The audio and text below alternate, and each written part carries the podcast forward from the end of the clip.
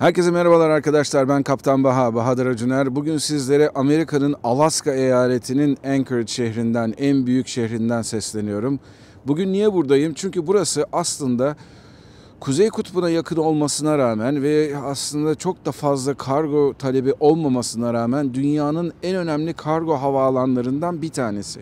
Burada yolcu uçağından fazla kargo uçağı var. Hem de nasıl kargo uçakları? 747'sinden tutun da DC-8'ine kadar, DC-6'sına kadar hatta ve hatta en ufak Cessna 207-206 türünden 4 kişilik, 6 kişilik uçaklarla taşınan kargolara varıncaya kadar değişik uçaklarla kargo taşımacılığı yapılıyor. Her şeyden evvel Alaska'da irili ufaklı dünya kadar köy, kasaba var.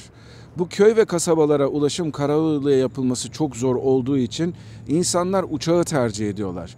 Bugün görmüş olduğunuz bu havada bile ufak uçaklar e, etraftaki 40 dakika, 1 saat, 1,5 saat uzaklıktaki ufak köylere topraktan veya çakıldan yapılmış pistlere o köylerin ihtiyacı olan malzemeleri taşıyorlar. Bir de böyle tren geçiyor işte onlar da malzeme taşıyor. Woo, woo.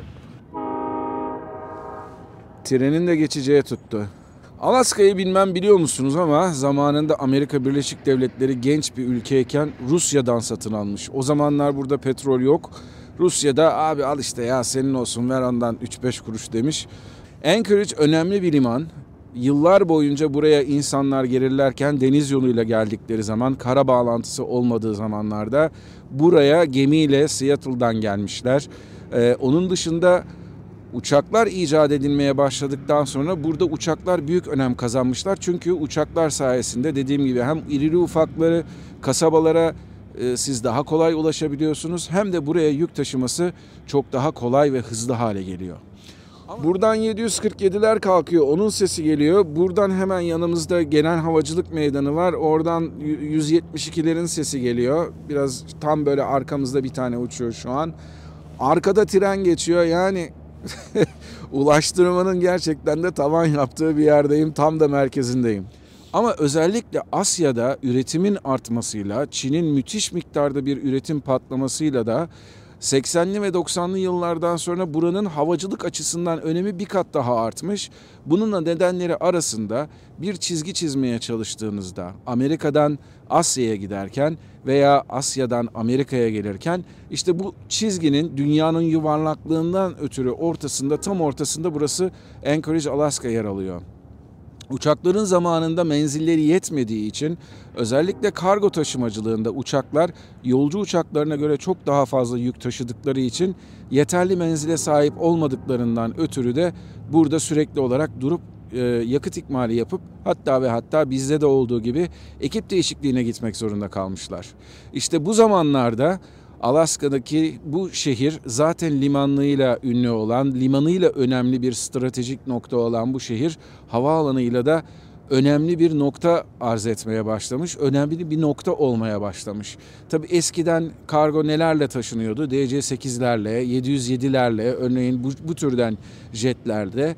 747'lerin icadından ve ilk olarak 747-200 serisinde ortaya çıkan kargo uçaklarından sonra buranın önemi daha da artmış. Çünkü her ne kadar uçakların menzilleri gerek Pasifik'te gerekse Atlantik'te de uçmaya müsait olsalar bile kargo gibi ağır yükler taşındığı zaman maalesef alabileceği yakıt miktarı da sınırlı olduğu için yine buralarda yakıt ikmali yapmak zorunda kalmışlar.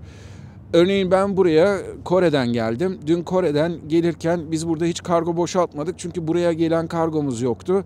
Ee, buradan doğrudan Los Angeles'a uçulamadığı için elimizdeki büyük miktarda kargoyla insanlar biz uçaktan indik. Daha sonra başka bir ekip geldi ve arkasından da ekip e, uçağı Los Angeles'a doğru uçurdu. Aynı şekilde Amerika'nın başka noktalarına, Kuzey Amerika'nın örneğin Kanada'daki baş, Kanada'daki başka noktalara da giderken burası gerçekten önemli bir önemli bir aktarma merkezi. Tabi biliyorsunuz geçtiğimiz yıldan bu yana gerçekleşen korona salgını nedeniyle kargo uçuşlarında büyük bir patlama oldu. Çünkü artık yolcu uçakları uçmadığı için onların altında taşınan kargolar da kargo uçaklarına doğru kaymaya başlayınca bir anda büyük bir talep gelişti.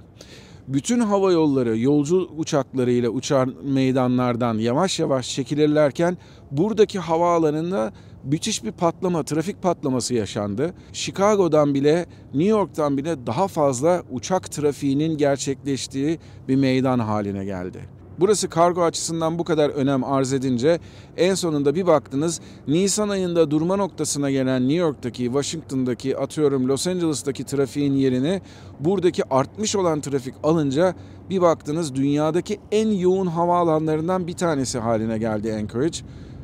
Buraya dünyanın dört bir tarafından uçan firmalar oldu. Hatta ve hatta diyeceksiniz ki Dubai nere, Alaska nere, Emirates bile buraya bir uçuş gerçekleştirdi.